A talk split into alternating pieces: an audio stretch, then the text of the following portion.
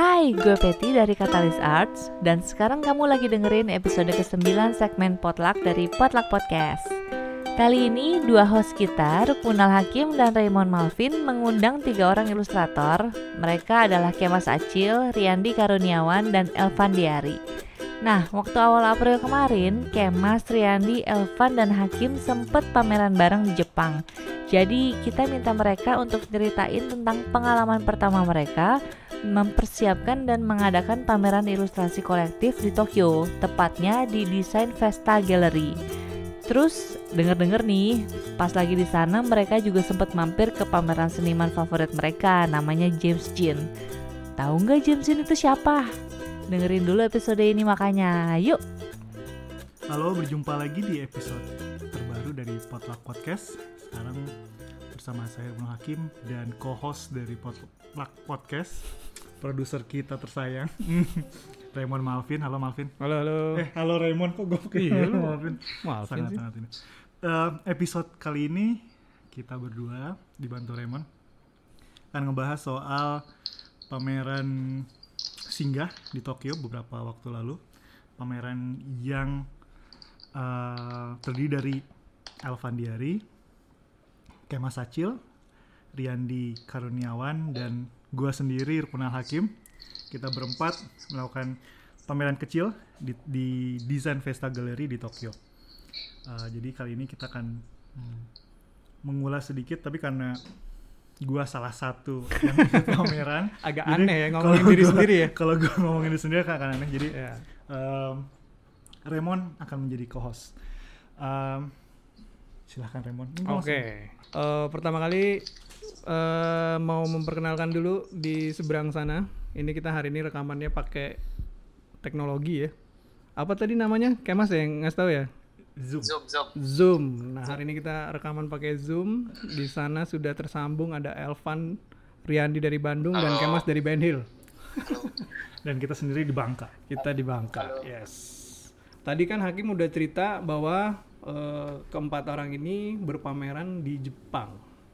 Dan namanya sendiri adalah Design Vesta dan kita akan bahas lebih dalam soal ini. Nah, pertama kali eh, mungkin kenalan satu-satu dulu kali Kim ya. Oke. Mulai dari siapa Kim? Dari Dulu Elvan aja dulu. Dari Elvan dulu ya.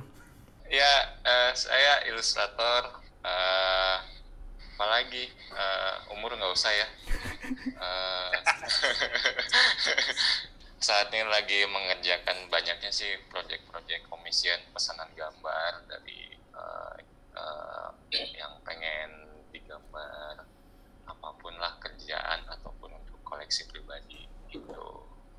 Kalau saya sih ilustrasinya banyak eh, mungkin banyak berbagai macam gaya karena dulunya berangkat dari eh, tertarik sama eh, komik terus eh, ada perubahan setelah masuk eh, kuliah desain grafis jadi banyak menyerap berbagai macam gaya yang kemudian bisa diaplikasikan ke eh, dunia pekerjaan kira-kira begitu Hmm. Berikutnya kayak mas sesuai abjad aja. Abjad aja ya. nama gua Kemas Kemas Acil Eh, sebenarnya nama aslinya Kemas Dwi Satria lah bukan Acil Eh, kebetulan gua eh, nggak cuman ilustrator tapi eh, gua juga kerja di salah satu eh, apa namanya Sebut ya, aja kali. bisa dibilang Gak ya, apa-apa Gojek lah sebut ya. nama. Gojek, Gojek, Gojek. Bukan, tapi bukan drivernya. Selain Ya. gambar driver lu Gojek. Eh, halo, halo. Eh, ya. Spesifikasi. Eh, gue eh, kebetulan domisilinya di Bekasi. Kalau untuk karya ilustrasi sendiri sama kayak Elvan juga berangkat dari dulu emang sukanya ke arah manga. Jadi emang gedenya juga dulu ya emang banyakan dari manga-manga Jepang. Eh, banyak karya yang terinfluence lah dari eh, kartun-kartun Jepang sih eh, Hmm. pada umumnya. Untuk untuk inian karya sendiri kebanyakan sih eh, apa ya eh, mix media sih kalau gue Hmm. kayak gitu sih. Acil ini juga salah satu anggota dari Tomodachi, Tomodachi Studio. Studio. Dan kita berempat, kita eh, kita kita semua tahu nama Acil datangnya dari mana sih sebetulnya alasannya ada. ya. Riandi silakan. Ya halo, uh, gue Riandi Karuniawan, gue uh, ilustrator, artis. Uh, gue biasa ngerjain buat uh, cover album band, merchandise. Uh, gue juga ngerjain karya-karya yang bersifat personal gitu. Uh, sama kayak yang lain emang terinfluence sama sama Jepang gitu. Emang baca Hmm. komik, nonton anim gitu banyak Hmm. eh, emang banyak eh, apa banyak eh, karena terpengaruh oleh budaya Jepang tersebut eh, di karya gue juga kayak ya tergambar lah apa yang gue dapat dari kecil gitu gitu sih Oh, Oke. Ya. Nah, sekarang Hakim tapi gue mau nanya sekalian Kim. Kalau dari bertiga tadi kan influensi Jepangnya gede banget nih. Hmm, Sedangkan lo influensinya kan muca tuh, Eropa lah. Kenapa nih eh, tiba-tiba ke desain Vesta gitu?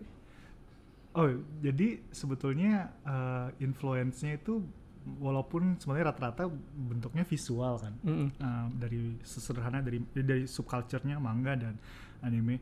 gue juga pun begitu, tapi memang nggak terlihat di visual karena kalau gua itu lebih ke arah bentuk sosial budaya si dari Tokyo-nya gitu loh Hmm. kayak soal apa sih kesamaan dari mereka yang tinggal di Tokyo kemudian mereka yang tinggal di Jakarta karena keduanya sama-sama walaupun yang satu negara maju atau yang satu negara dunia ketiga tapi sama-sama di kota metropolitan, kan Metropolitan. sebetulnya kan lebih ke situ sih kalau kalau gue pembacaannya lebih ke arah situ Hmm. tapi visual memang em, sebelum Muca seperti banyaknya anak Indonesia yang lain ya Hmm. pasti akan akan terpengaruh dari komik situ. ya. Nah, yang seperti yang udah gue pribadi tahu tuh eh, Hakim, Riandi sama Elvan berangkatnya kan dari Bandung nih. Iya, eh kebetulan juga dalam tahun lalu kalian semua pernah berpameran di tempat yang sama ya? Iya di Walls End. Di Walls End di Bandung. Elvan, uh, Riandi itu pernah berpameran tunggal. Di tahun 2017 semua. Eh, Riandi itu 2016 ya? Iya.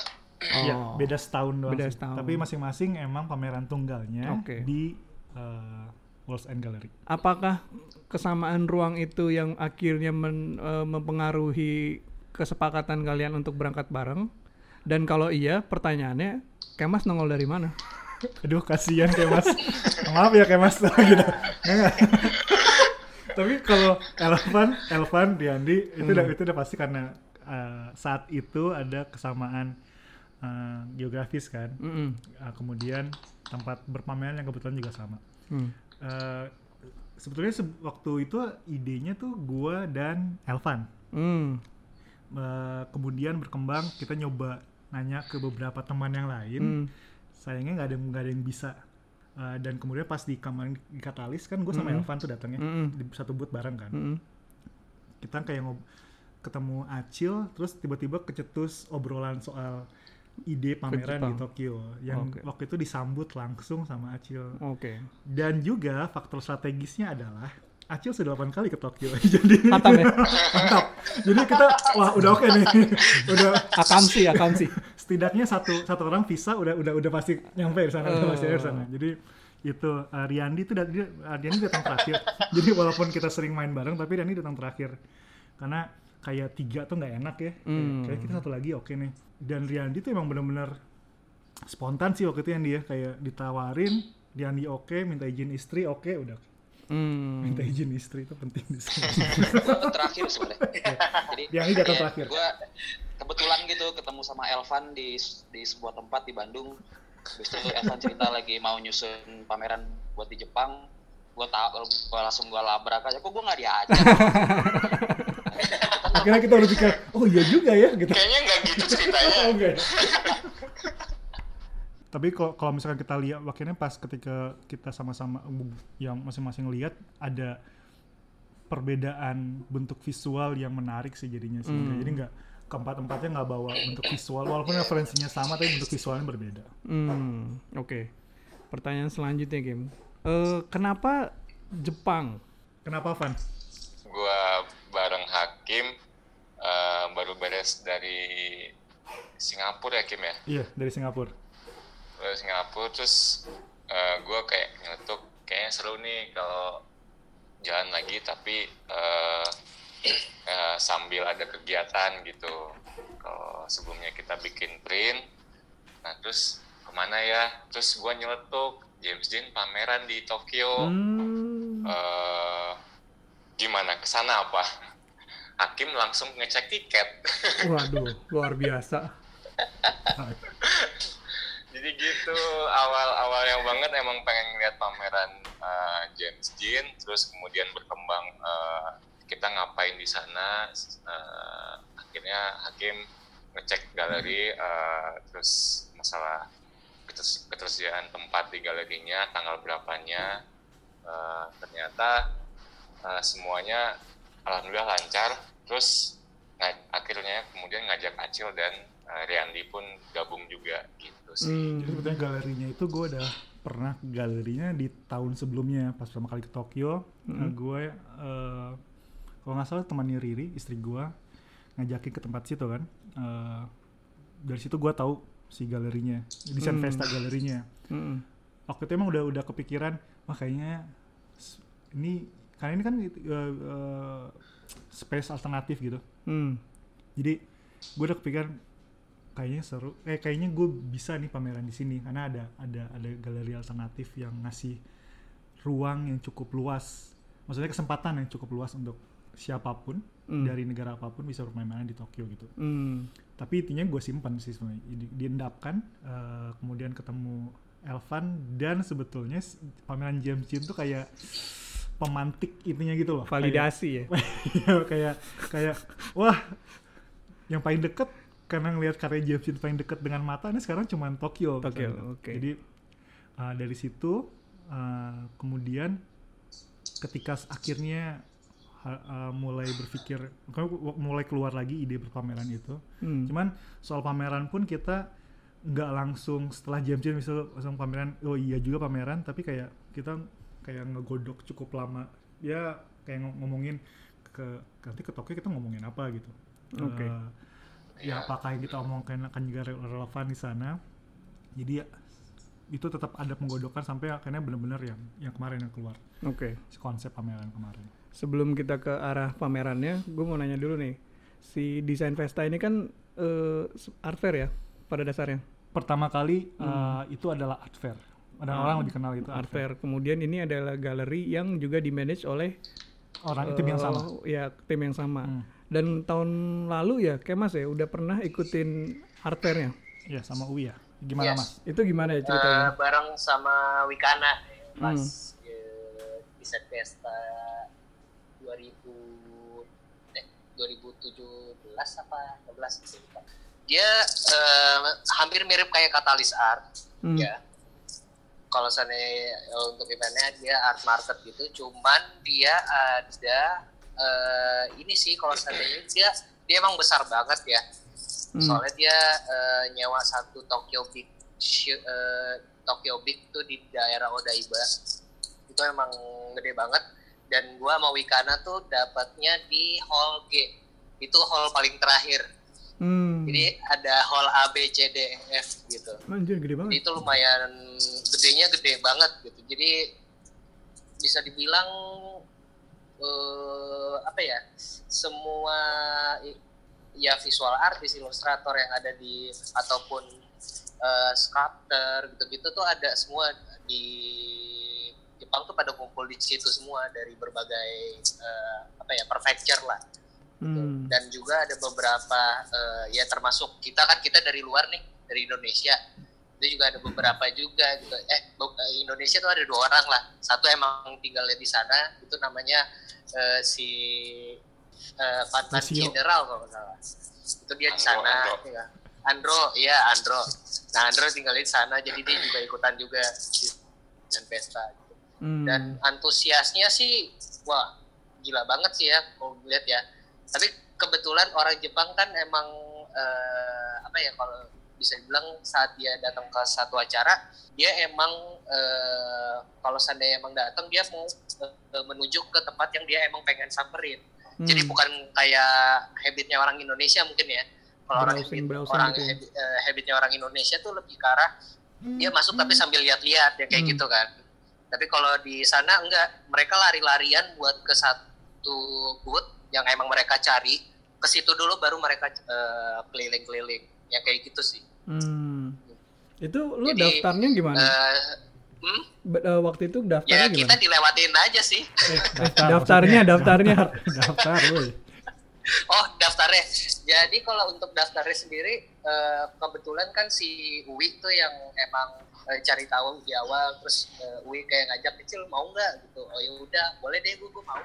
Pokoknya kalau ke Tokyo ajak kacil aja gitu, Hmm. Ternyata emang si Uwi-nya juga udah tektokan sama orang desain pestanya dan emang dia tuh dia cuman eh, ngasih bootnya doang tapi untuk panelnya meja dan kursinya itu bayar lagi yang kayak gitu Oh. jadi ada bayaran di di dalam bayaran yang kayak gitu Oh, kalau oke. yang desain pesta ya kemarin Oke. bootnya nggak eh, terbilang kecil iya ya karena apa ya dia dia tuh cuman panjangnya tuh 2 meter lebarnya tuh semeter kayaknya Hmm. nah semeter jadi lumayan sempit-sempitan sih pas itu cuma ini ya dapat eh, apa ya dapat pengalaman baru sih di situ Hmm. kalau seandainya tuh demandnya orang Jepang tuh emang agak susah sih kalau seandainya kita mau jualan yang emang berbau yang eh, ke Jepang juga Oh. dan gue sempet eh, kepikiran bikin yang eh, bikin karya yang Indonesia pun mereka juga nggak terlalu melihat sih Eh, mungkin mereka lebih suka yang lebih ke arah kawaii atau yang emang lucu dan warna yang eh, yang emang ada coraknya karena kan di Jepang sendiri udah banyak yang kayak gitu ya Hmm. bisa bilang. Jadi itu sih yang gue tangkap sih saat gue kemarin pas bisa pesta bareng uh, Wi. Oh, Oke. Nah, desain Vesta yang ini kan udah cukup apa gua udah denger segala macam. Cuman ternyata pas diceritain Hakim, ini adalah galerinya. Iya. Nah, ini apa hubungannya Kim waktu itu?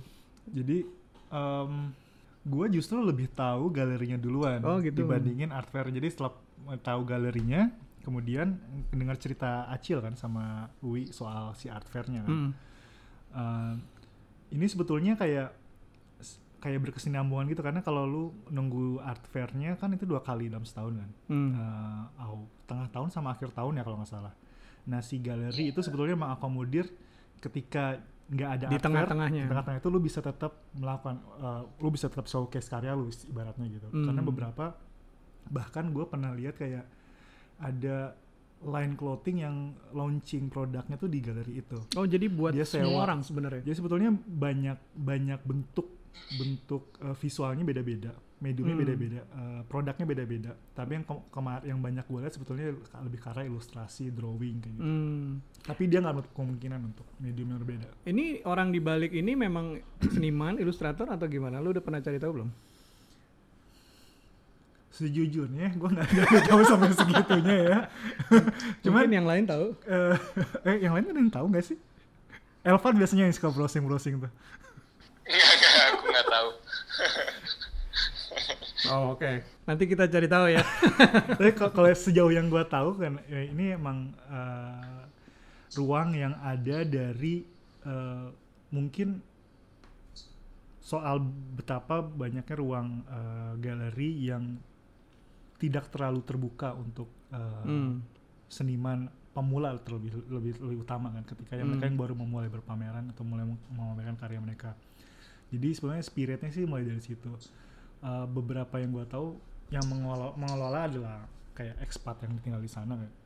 Oh, Cuma gitu. mereka punya interest sama lebih lebih ke arah kayak pop culture karena kalau misalkan lo ngelihat art fair-nya memang nggak jauh beda sebetulnya dengan katalis, cuma Hmm. dengan skala yang Hmm. lebih besar aja sih sebenarnya karena mereka juga, juga punya seksi ba- eh, bagian Bagian-bagian. bagian kayak khusus ngemural doang gitu Oh, gitu? jadi Spesifik? lu lu selama tiga hari lu ngemural aja jadi tuh lu bikin ada meja di- kecil lagi untuk misalkan kalau ada orang mau beli art merchandise jadi lu bisa Oh. cara men-showcase karya tuh Showcase. bikin beda-beda gitu Oke. Dan ini berarti memang Acil dia ke mana tujukan. Acil? Woi, Acil hilang. Cil Nah, ada ada Nah, ada ada. berarti Oh, ini makan si galeri ini ditujukan eh, galeri ini ditujukan ke seluruh dunia sebenarnya. Siapa pun Iya. boleh daftar atau gimana? Lu bisa? Siapa pun sebetulnya boleh daftar. Kemudian ya tentu saja uh, pemilihannya itu sesuai dengan kurasi mereka sih. Tetap Oh, ada- dikurasi lagi. Ada ada proses itunya juga ada. Oh. Cuman mereka membuka kesempatan Hmm, Oke. seluas-luasnya. Nah, pas waktu itu kan eh, Pak berarti lo harus daftar dulu seperti halnya lo ke galeri kan? Iya, Memang udah daftar, eh, terus ngasih tahu konsep pamerannya mau seperti apa, Hmm, eh, lebih kayak gitu. sih. Oke. Dan akhirnya nama pamerannya adalah Singgah. Iya, Apa tuh? Lo singgah di mana sih? coba Riandi jelaskan itu, karena waktu itu waktu kita ngobrolin singgah tuh, gua, Riandi, eh, Elvan, Elvan, kita ngobrol bareng itu malam-malam. Acil juga Eh, sih. Acil, ya Acil cuman iya. Jadi eh Riandi sih kalau nggak salah yang tercetus nama singgah coba jelaskan tolong Riandi. kan gue cuma mencetuskan doang. Jadi kita ngobrol-ngobrol jadi kayak apa ya yang eh, yang pas gitu nama pamerannya buat kelakuan kita ini gitu. Ya cuman ya setelah ngobrol setelah ngobrol-ngobrol gitu kan. Dan eh, apa apa kita ngobrolin gimana eh, kesinambungan antara eh, niat kita buat pameran di Jepang sama eh, kari- eh, apa eh, tema masing-masing karya kita gitu. Dan emang su- benang merahnya ada di ya singgah tadi. Awalnya mau mampir atau apa gitu ya. Karena kayak misalnya kayak eh, kayak gua aja gitu eh, di eh, karya gua ini kayak eh, gua mencoba sesuatu yang baru eh, untuk apa untuk karya-karya gua ke depannya gitu kayak apa ya kayak eh, keluar dari zona nyaman gitu loh. Jadi ada kayak eh, ke- kebosanan juga gitu gue dalam berkarya. Dan kalau gue dengar dari Elvan juga kalau nggak salah nih eh, emang di karya ini juga eh, benang merahnya ada di situ gitu. Ada di Iya, iya. singgah tadi gitu kayak eh, tempat apa ya perhentian sementara untuk menuju ke ke titik terang di depan gitu Oh. dan setelah kata singgah Dan cuman dan- kayaknya nah, hakim lebih bagus ngejelasin gimana saudara hakim coba Dan- saudara hakim dijelaskan secara runut dan sebetulnya kan karena kita pameran tiga hari nih. singgah Pertama kalau nggak salah judulnya In Between ya. in between Iya, betul namanya setahu gue in In between between. dulunya Terus ganti lagi jadi mampir. Terus kita kayak nyari eh, apa ya yang bahasa Indonesia yang yang simple, cuman yang punya maksud sama gitu kan Kim ya. mampir Iya. Terus jadi jadi Mampir. mampir, cuman mampir terlalu gimana. mampir iya Karena du- durasi pameran kan juga Ada cuma tiga hari. terus singgah gitu. Iya. Gimana? Dan Gua ya? durasi Ya karena se, se, se sehubungan dengan durasi pameran juga cuma Iya. tiga Ah, iya hari, benar. jadi Ah. ya ya singgah kali ya gitu. Ya, seperti- Oh, kayak seperti- transit seperti pemberhentian pemberhentian sementara. sementara di mana harapannya sebetulnya dengan waktu sesingkat itu ada suatu hal yang bisa kita bawa pulang gitu loh. Hmm. Dan eh, dan sama itu gue juga sih. merasa kayak apa ya kayak pameran kita di Jepang ini kan sebenarnya kayak kalau gue ngerasanya kayak introduksi gitu ke ke apa ya, ke tempat yang baru gitu kan ya ya bener. Kayak kita singgah gitu ke rumah ke rumah orang yang baru kita kenal. Ya untuk ya singgah. Gitu deh. Awalnya udah keren banget deh. karena kerasa berbeda sekali gitu di saat lu bikin pameran di Indonesia ya. Lu udah kebayang gitu eh, seperti apa eh, audiensnya lu udah tahu gitu ya. Ya apalagi di Bandung ya. pas di Jepang ini benar-benar lu ke rumah ke rumah orang gitu ke orang orang yang baru lu kenal rasanya tuh seperti itu gitu bukan apa ya eh, ngerasa seperti orang baru di tempat yang baru lu datangi gitu rasanya seperti jadi kita juga nebak-nebak juga nih kira-kira audiensnya kayak gimana ya kayak gitu. Iya, nggak ketebak juga. Ya. Dan judulnya sendiri kan singgah. Dan Ah. eh, ini orang Jepang. Ya. Lalu gue lihat di poster eh, pamerannya sih ada bahasa Jepangnya sih. Ya. Gue nggak bisa baca juga sih. Ah. Nah, ketika mengkomunikasikan ini ke orang baru dengan kultur berbeda, bahasa yang berbeda, Ah. apa yang terjadi gitu loh? Eh, sebetulnya tadinya eh, kita kira memakai keputusannya kita pakai bahasa tadinya mau tiga bahasa gitu kan di Hmm. ininya bahasa Indonesia bahasa Inggris sama bahasa Jepang Hmm. kemudian di cut jadi bahasa Inggris dan bahasa Jepang ini sebetulnya gue kepikiran ide ini dari waktu terakhir tuh Debbie ya bilang dia pakai dua Oh. Dan ternyata memang Partai itu menurut gue untuk lebih mempersingkat karena waktunya cuma tiga hari kan Hmm. jadi kita perlu waktu yang sangat singkat untuk memperkenalkan karya kita. Hmm. Salah satunya dengan berbicara dengan bahasa mereka walaupun udah dibentuk tulisan ya. Hmm. Dan itu kenapa akhirnya keputusannya keluar dengan du- dua dua bahasa dan selama di sana sih sejauh ini orang kayak lebih yang yang yang natif ya yang sana eh, kayak lebih cepat untuk paham oh ini tentang ini tentang ini. Hmm. Cuma memang uh, si desain desain Vesta ini kan dia wilayahnya sebetulnya wilayah turis kan karena terletak di daerah Shibuya dan Shinjuku. Hmm. Eh, iya kira-kira itu. Jadi sebetulnya nggak hanya orang Jepang aja yang datang, yang orang Tokyo doang yang datang, tapi Hmm. juga dari berbagai macam negara yang Hmm. benar-benar kayak random datang. Hmm. Uh, orang yang Jepangnya sendiri kayaknya habitnya juga sama jadi ketika lu lu uh, dekati mereka untuk lebih ngobrol soal karya Hmm. mereka kan lebih nggak nggak nggak apa ya nggak nggak aktif gitu loh mereka kan lebih menarik diri tapi sebetulnya Hmm. Dari yang dibaca itu mereka udah udah udah paham. Oke. sementara ini dari orang yang yang beberapa kita kayak dari dari negara Spanyol dari US dari Inggris juga ada kalau nggak salah. Jadi kayak itu mereka lebih aktif sih untuk ini tentang apa sih? Apalagi kalau apalagi salah satu karya Riyandi kan dia ada ada memakai kacamata 3D tuh. Oh iya. jadi ada ada apa namanya? Ada engagement interaksi. Antara interaksi. Eh, karya dengan pengunjung gitu. Ini ini karya baru semua. Berarti karyanya Riyandi terusan dari yang solo kemarin atau eh, baru lagi atau gimana? kalau gua baru Kalau gua Evan sih, baru Riyandi eh, gue nih. Ya kalau secara visual sih sebenarnya nggak nggak masih kalau secara visual gue masih yang gue rasa masih sama gitu. Cuman eh, dari apa namanya dari tema gue emang eh, coba melompat ke yang lebih kan kalau misalnya di solo gue kemarin kan lebih tentang gue gitu sangat personal sekali. Tapi kalau misalnya yang di singgah kemarin gue coba buat keluar gitu. Gue keluar dari diri gue gue ngeliat yang di luar di luar dari diri gue secara visual sih seperti itu. Dan eh, yang barunya tuh eh, kebetulan nih sebelum gue ketemu sama Elvan pas ngajakin ke Jepang tuh gue udah nyiapin si karya ini. Gue emang Hmm. gue pengen explore soal komik segala macem eh, apa komunikasi antar panel gitu-gitu segala macem dan ke, dan ke- eh, kebetulan pas gitu pas gue ke Jepang gue nggak mungkin bawa karya yang besar-besar. Jadi gue bikin karya yang jenisnya eh, panel gitu per panel karya ada banyak panel. Jadi pas bawa ke Jepang tuh eh, gue nggak perlu bawa besar-besar gitu emang kecil. Jadi emang semuanya tuh serba kebetulan. Pas gue bikin yang kecil-kecil kebetulan diajakin ke Jepang jadi gue tinggal lanjutin aja apa yang gue lakukan gitu jadi nggak pas Elvan bilang mau ke Jepang gue bikin baru nggak juga sih emang sebelumnya gue udah emang udah bikin dan kebetulan masuk gitu Hmm. sama Ini kan pamerannya berempat nih. Ruangannya segede itu atau gimana? berapa ya ukurannya kemarin deh Bisa dijelaskan? Eh, Berapa kali berapa sih? kali dua ya kalau nggak salah ya ya segituan ya segituan segituan Tiga kali dua? ah tiga kali dua ya Oh, eh enggak, enggak eh, kali eh berapa ya lupa enggak ya? tiga kali empat Tiga.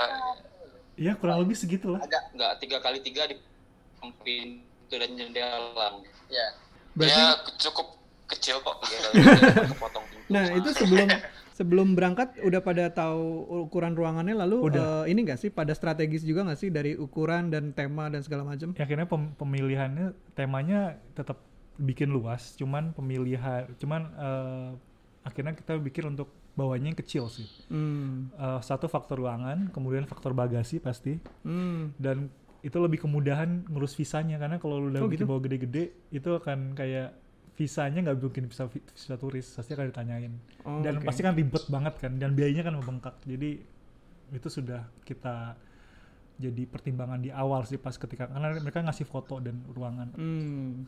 Nah, karyanya Elvan nih masih dengan eh, warna dan topik yang sama sepertinya, cuman apa yang beda nih Van? Untuk eh, pameran singgah kemarin, gue tuh coba menggabungkan dua tema. Yang satu dari pameran deadline drama gue kemarin eh, dengan tema Echoes and Wave yang biasa gue bikin kalau misalnya gue iseng-iseng atau eksplorasi eh, s- gaya gambar. Nah, dari dua tema itu yang kemudian gue coba hadirkan dan gue bawa ke pameran singgah kemarin sih gitu. Karena di and Wave biasanya gue emang punya habit eh, ngulik ngulik gaya gambar atau ngulik eh, teknik atau apa pun lah yang itu lebih sifatnya ke mungkin iseng-iseng tapi yang seriusan karena emang harus jadi sebuah seri gitu sebuah eh, eh, seri yang ada banyak eh, nggak cuma satu gambar ada beberapa gambar yang yang eh, masing-masing kayak gue coba iseng misalnya ngangkat mood dari lagu apa gitu. Jadi lebih ke sana. Nah, yang lo bawa nih ada berapa karya, Van? kalau untuk eh, judul karya kan eh, ini cuma satu karya eh, Echoes, and- Echoes and Wave Mhm. eh, temanya humming. Nah tapi kalau untuk berapa gambarnya ini ada delapan gambar yang di mana yang lima gambar itu bisa digabung jadi gambar besar gitu. Oh, oke. Nah, gue kan pernah koleksi juga tuh karya lo yang terakhir yang Riso. Mm. Ini ada cerita seperti itu nggak di balik yang ini? Kalau ini sih nggak ada. Ini soalnya emang emang eh, kan kalau di dalam di dalam drama kemarin tuh gue ada eh, ibaratnya gue udah eh, ada masukin gambar eh, burung. Eh, ada ada tema karya eh, judulnya Bala Laksana itu eh, ada karakter empat burung. Nah di situ eh, yang empat karakter burung ini yang coba gua gabungin dengan tema si Echoes and Wave ini gitu kira-kira bisa join nggak? Karena selama ini si Echoes and Wave biasanya yang, yang digambar itu eh, perempuan gitu Ini ada apa dengan burung-burung sih kalian? Gak tahu. eh tapi di Tokyo kan ada burung gagak besar, banyak banget gagak tuh kita. Ba- banyak banget burung gagak di Tokyo Kita tersangat-sangat terinspirasi dengan burung. Ya, astaga.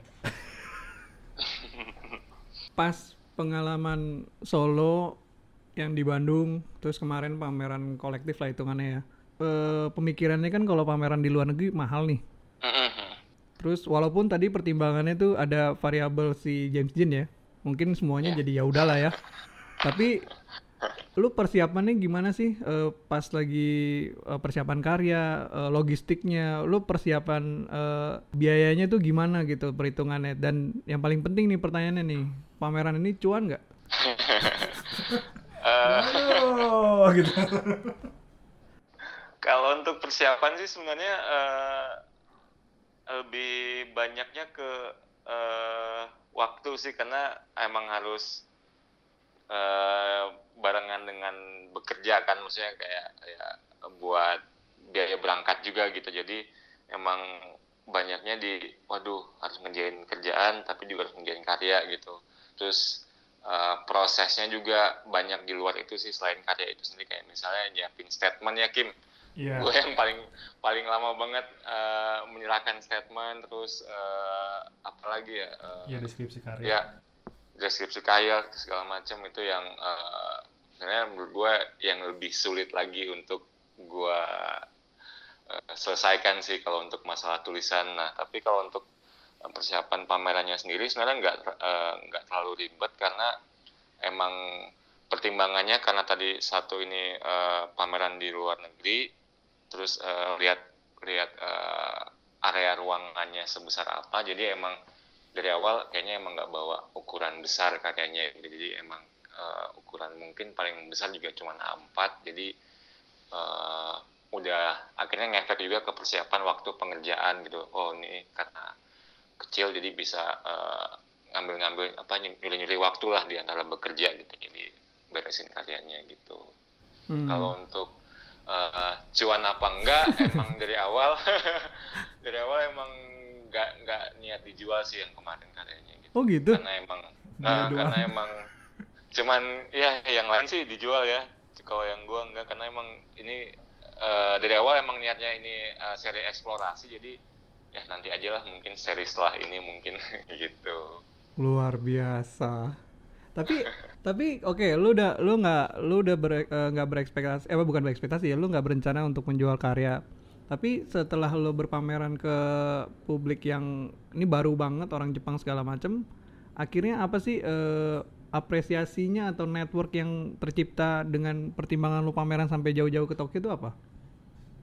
Eh, akhirnya jadi tahu eh, apa ya kayak paling simpel kan nyiapin pameran ke luar negeri itu sih paling simpelnya eh, eh, kayak tadi mungkin hakim juga cerita kalau misalnya karyanya karya besar ada yang harus eh, dari packagingnya packingnya atau mungkin eh, apa eh, izin izin pamerannya mungkin. Jadi kita jadi kalau saya secara pribadi sih jadi lebih tahu hal-hal yang seperti itu sih. Kalau untuk audiens di eh, venue-nya sendiri mungkin eh, karena keterbatasan masalah eh, bahasa kali ya.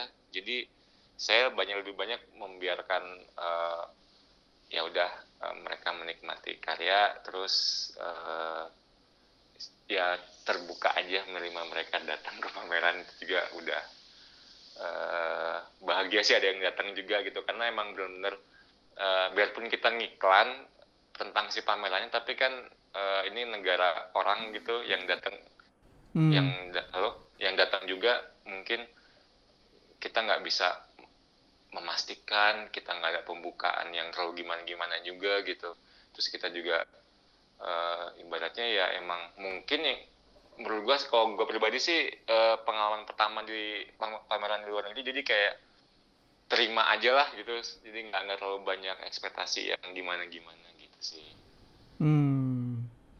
Apa yang ada ada ini gak sih? Ada pengunjung yang sangat memorable atau komen orang yang atau jangan-jangan ada orang Indonesia yang banyak di sana katanya ya? Beberapa ada ada pengunjung Indonesia kok eh, Oh, iya? yang emang kerja di sana, tinggal di sana. Oh. Beberapa ada yang lagi lagi kebetulan lagi di Ya sana. iyalah followernya 244 ribu. Masa nggak ada yang Indonesia satu bela-belain datang ke sana? Ya, ada. Apa yang paling iya lo inget Pan? ada yang ada yang datang terus ya ada yang dari Indonesia juga datang terus yang eh, lagi kebetulan lagi jalan-jalan juga ada.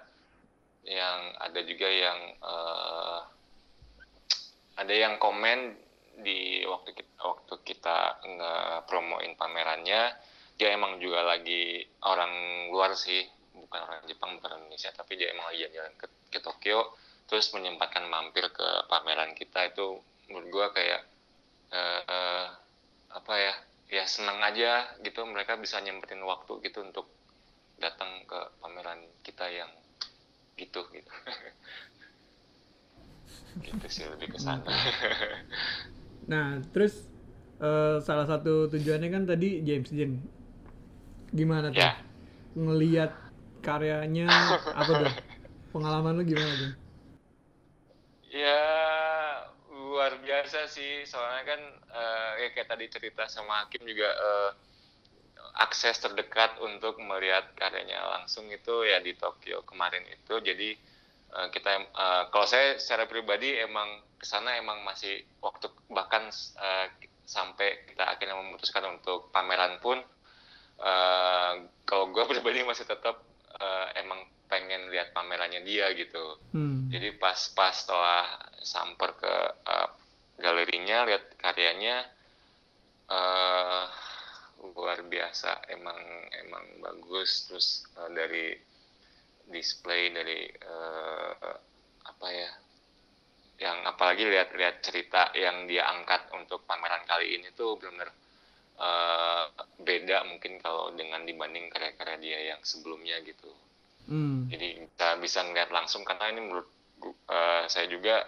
eh, tema pameran dia yang kemarin tuh kayak ada nilai momentumnya lah nilai eh, dia kayak ada ada ada satu tahap dalam mungkin dalam perjalanan eh, entah berkarya atau hidup dia yang akhirnya bisa dituangkan dalam eh, eh, pameran dia kemarin gitu Hmm. Ada satu karya spesifik yang lo ini banget? ada ada Apa tuh? cuman kemarin judulnya nggak ada nggak ada captionnya Oh untitled, hakim banget dong. Enggak, si si karyanya emang mereka nggak pasang caption gitu. Oh. Itu itu yang aneh. Tapi sebenarnya kita berdua, gue sama Elvan sebenarnya ngincar print. iya Oke, print Kita sampai Tapi datang jam 11 jam sebelum jam buka 11 ngantri. Hmm. Pas udah ngantri nih baru tahu harganya 80 ribu, 80 ribu yen. Berapa di rupiah? 10 jutaan kan. Anjir. Itu series berapa tuh? Eh, dia bikin 100. 100. Anjir. tapi 100. tapi emang pakai teknik ukiyo-e terus dibikin sama kalau bilangnya wa- eh, warisan hidup Jepang karena Hmm. dia kayaknya eh, artis ukiyo-e yang sekarang masih hidup Hmm. dan bagus banget sih tapi kita shock aja sih Hmm. Dia tuh di Iya, mana sih Pak. tinggalnya? si James Dean Heeh. Kemarin ada nggak? kemarin ada Wah. kalau lu bisa lihat itu di Instagram ada foto Elvan lagi Oh, berfoto sama astaga. James Dean. Oke. Gimana rasanya? ya eh, gugup pak Lo kasih kartu nama gitu nggak? Kasih gambar lo nggak? enggak aku cuman eh, boleh foto udah udah gitu aja ya tapi sebetulnya emang emang eh, ada ada ada ada pengalaman yang berbeda. Walaupun sebenarnya kan dengan waktu kemarin Elvan pameran tunggal pun menurut gue itu udah kayak loncatan yang luar biasa buat Elvan. Karena gue tahu Elvan gitu. Dia dia biasanya kan sangat menghindari kalau diajakin pameran tuh biasanya kan menghindari gitu. Bisa kemarin mereka dia eh, pameran tunggal pertama kali kemudian sekarang eh, ini kayak dia ngasih loncatan berikutnya dengan skala yang mungkin nggak terlalu besar bukan nggak nggak nggak- nggak besar sekali tapi udah di di luar negeri gitu jadi Hmm. itu kayak menurut gue sih kayak step stepnya Elvan gitu ya kita sebenarnya kemarin juga Be- Pada- beban buat gua sebenarnya Apa dia bilang? beban kita kita kita ada- kita nyiapin bawa kartu nama kita nyiapin bikin portfolio dan segala macam untuk Hmm. kalau misalnya ada kesempatan di sana dengan galeri yang berbeda sih Berarti berikutnya apa nih kalau udah pameran di Jepang? Kira-kira ada gambaran, Van? Tunggal lagi gitu di mana? Eh, wah alhamdulillah amin kalau misalnya kesempatan ya ya ya ya nyiapin yang matang aja sih semuanya kayak kemarin kayak mungkin ya mungkin karena ngelihatnya langsung ke Jamesin ya persiapannya mungkin terus eh, mulai dari karya sampai ke mungkin merchandise-nya kayak art merchandise-nya itu eh, bagus banget. Jadi sekarang sih lebih merhatiin ke yang gitu kayak persiapan lainnya. Eh, kalau saya sih pribadi banyak banyak eh, latihan buat eh, nulis deskripsi karya. Hmm. karena karena eh, biasanya sangat kalau saya pribadi lebih gampang menggambarkan daripada menulis gitu jadi eh, kemarin juga ngeliat statement eh, yang kemarin sempat sempat ke pameran kaos juga terus Hmm. eh, lihat yang statement yang James Jamesin juga eh, bisa begitu baik menjelaskan eh, mungkin yang ingin disampaikan di Hmm. pamerannya. Nah, saya saya banyak belajar eh, kayaknya harus belajar banyak nulis, nulis karya, deskripsi karya sih gitu sih. Eh itu pamerannya ada kuratornya nggak sih?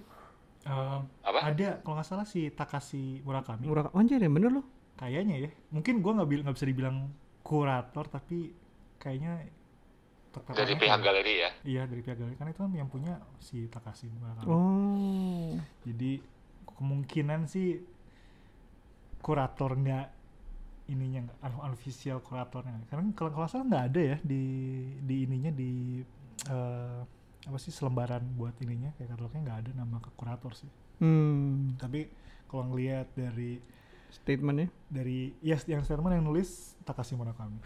salah satunya ya kalau nggak salah ya Van Iya ada. Nah kalau kalau mungkin kan kalau ilustrator memang berpameran tuh kadang-kadang wah ngapain sih ya Eh, nggak semuanya gitu ya. Nah lu setelah melihat James Jean terus ada baca statementnya segala macem lu mulai kayak oh kayaknya memang harus ada kurator kayaknya memang kenal galeri atau gimana nggak sih? Ada perubahan mindset nggak sih tuh lu setelah lu ngelihat visualnya dia eh, presentasinya? Kalau gue sih lebih ke eh, bukan harus pameran tapi harus eh, harus punya karya pribadi sih. Lebih lebih ke sana. Soalnya kalau ngeliat eh, historinya si Jamesin juga dia eh, juga sempat eh, bekerja di area industri komik juga gitu. hmm.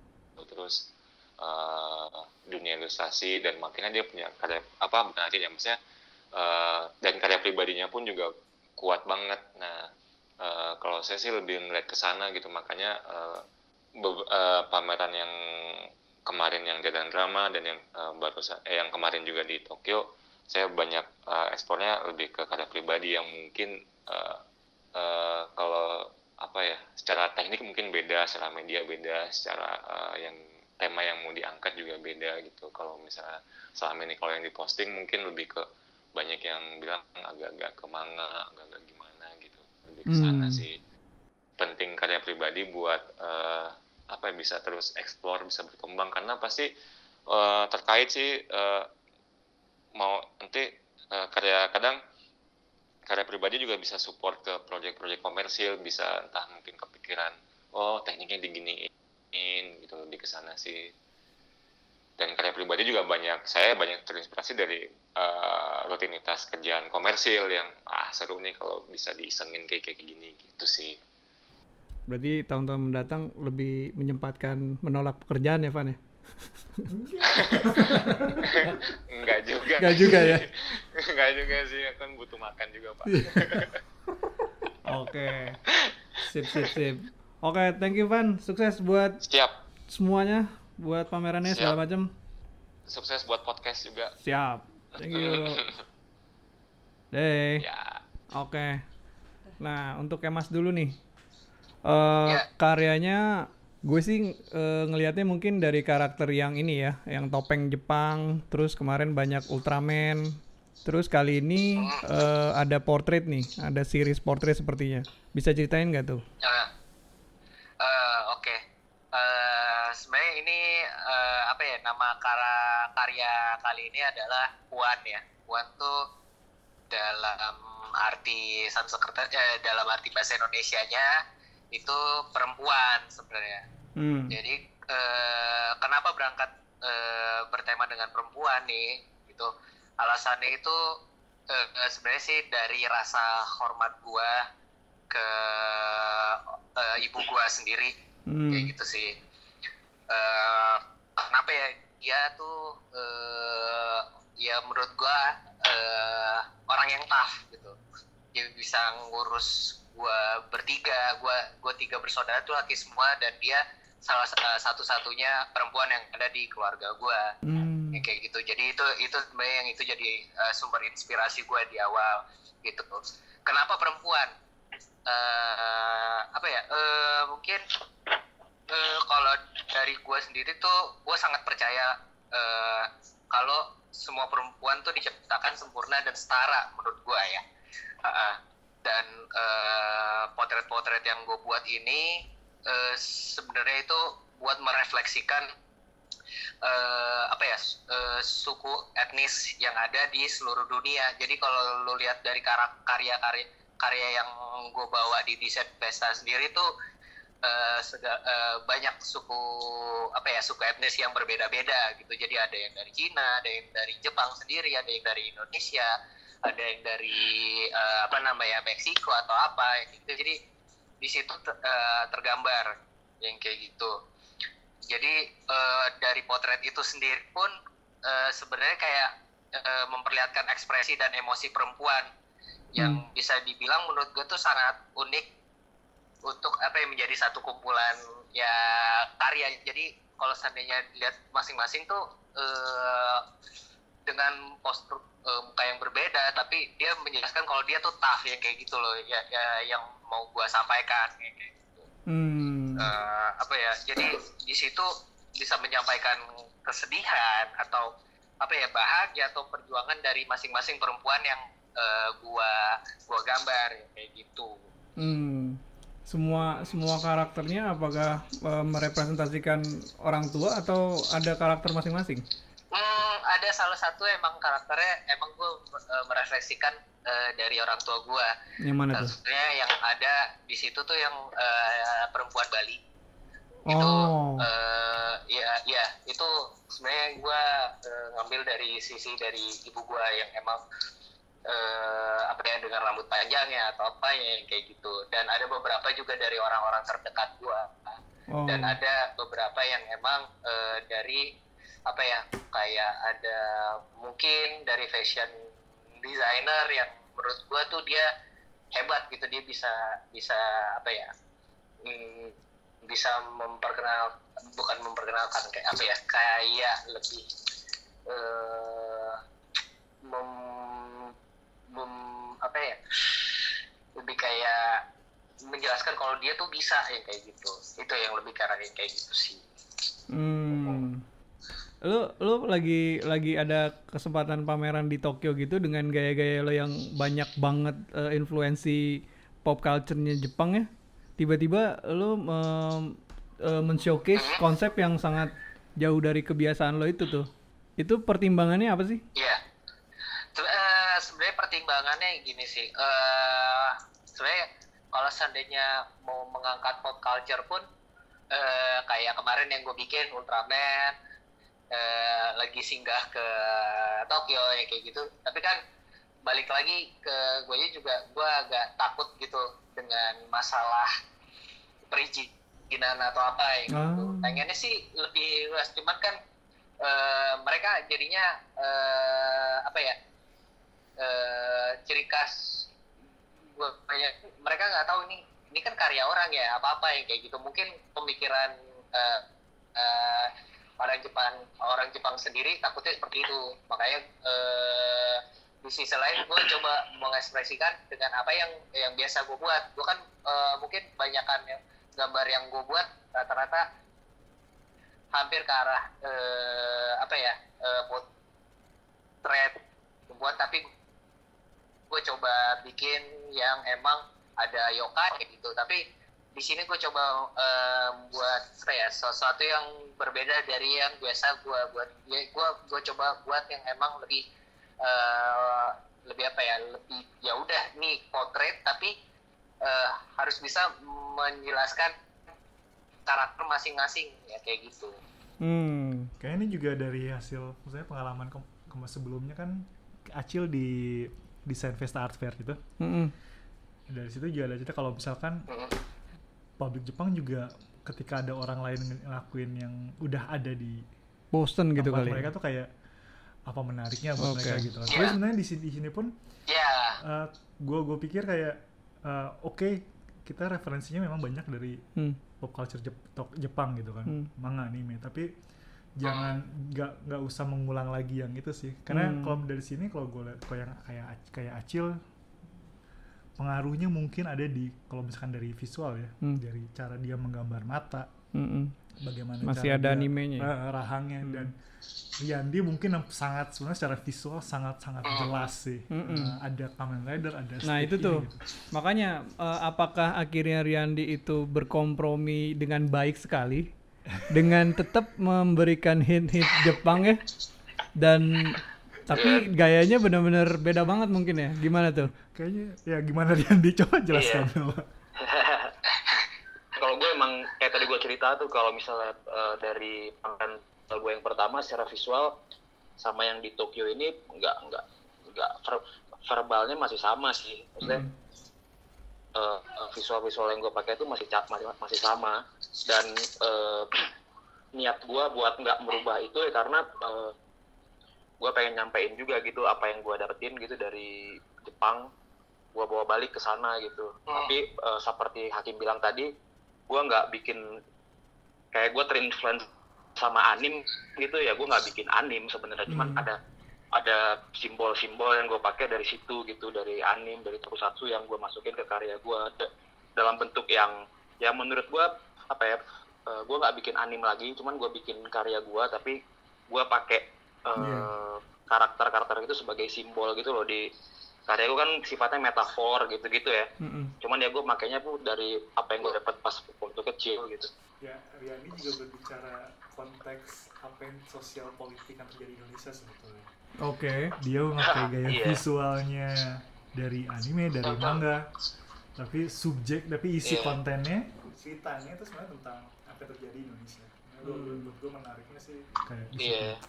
Nah itu yang juga dijelaskan jadi sama gua- Riyandi sih sana tadi kayak gue gue bilang tuh gue coba buat keluar dari di- diri gue gue pengen ngerespon eh, apa yang ada di lingkungan gue gitu di luar gue ya keresahan gue tuh di situ. Ada eh sebenarnya ceritanya gini waktu gue ngurusin pajak ya kantor pajak gue melihat melihat poster-poster pilkada gitu loh. Eh, ini kita kita sambil ngeliatin gambar lu ya. Iya, ini sambil lihat gambar ya di Instagram ya. Iya, gue gue ngeliat poster-poster pilkada gitu sambil gue gue emang di motor tuh suka suka eh, apa berdendang gitu kan. Gue lagi nyanyi One Falls gitu. Sambil gue ngeliat tuh poster-poster eh, calon Ah. ya calon legislatif, calon-calon gitulah, poster-poster kandidat lah pokoknya. Langsung ter tercetus tuh di kepala gue tuh dari apa yang gue dendangkan sama apa yang gue lihat tuh kok kayak kontras ya, tapi kayak menciptakan enigma gitu loh Hmm. makanya gue bikin di apa di Jepang ini kan gue juga bikin komik. Yang di situ tuh teksnya sebenarnya dari lirik One Falls yang gue nyanyikan itu gitu. Dan kalau kita lihat komiknya emang kayak nggak nyambung antara teks sama hmm, sama visual. Cuman emang pengen itu yang gue kejar enigma yang kayak gitu gitu. Yang Hmm. pengen gue kejar. Makanya di, di visual karya gue tuh ada kayak apa ya metafor dari eh, dari poster-poster kandidat kandidat pemilu gitu. Jadi Hmm. emang eh, eh, dan gue suka eh, dari dulu tuh suka main topeng gitu kan. Eh, semuanya gue bikin eh, semua karakternya tuh bertopeng gitu menggunakan topeng. Bisa ada simbol-simbol yang sebenarnya gue emang ngejurus ke partai-partai besar di Indonesia gitu. Hmm. jadi emang kayak lay- layoutnya tuh emang layout eh, layout apa layout poster caleg lah. Ada nomor ada eh, ada simbol partai gitu-gitu gue main di main grafis coba buat eh, ngerespon grafis eh, visual mereka gue coba eh, ke gaya gue yang lebih science fiction gitu loh Oh.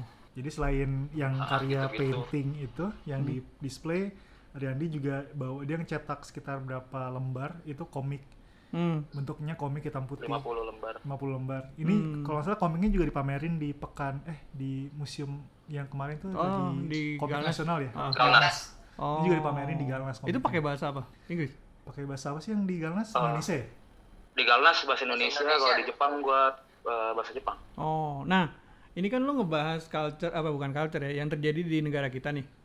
Dan lo sosial politik gitu bawa uh, sosial politik Indonesia lo bawa ke Jepang dengan dia mungkin nggak tahu ya semua orang bisa tahu nggak sih masalah Indonesia gimana ketika di caption ataupun di apa eh, apa sih tadi statementnya sendiri uh, apa reaksi mereka apakah ada yang ngerti juga atau mereka terpesona secara visual aja atau gimana? Iya sih, eh, kalau di caption gue nggak begitu apa nggak begitu eh, nulis deskripsi yang the point ya. Hmm. Karena di karya juga gue main metafor agak agak aneh kalau misalnya di caption gue malah mendeskripsikan karya gue gitu. Jadi emang pas di eh, pas di galeri ya eh, audiens tuh ya mereka pertama terkes eh, apa eh, terkejut sama efek eh, psychedelic si kacamata 3D Iya, tadi. iya, iya. setelah jadi itu gua pakai sebagai bridging sih. Jadi kayak itu jembatannya buat gua ngedekat ngedekat ngobrol oh ini tuh tentang ini sebenarnya gitu. Hmm. tentang ini ini ini ini ini ini dan mereka emang ya eh, macam-macam sebenarnya tanggapannya. Cuman ya rata-rata ya kayak mengiyakan gitu ya politiciannya kayak gitu lah bla bla bla bla bla. Cuman gue lebih tertarik ke eh, apa eh, hubungan si karya tuh pas audiens tuh ngasih banyak eh, interpretasi gitu. Interpretasi jadi nggak sendiri ya. ya emang sih kalau misalkan ditanyakan gue akan menjelaskan gitu. Ini tuh bera- berda- berawal dari ini gitu. Cuman kalau misalnya gue nggak jelasin juga kayaknya itu lebih lebih menarik sih buat gue. Jadi kayak eh, si karya tuh jadi meluas gitu. Nggak nggak nggak nggak nggak sempit nggak Hmm. deskriptif gitu.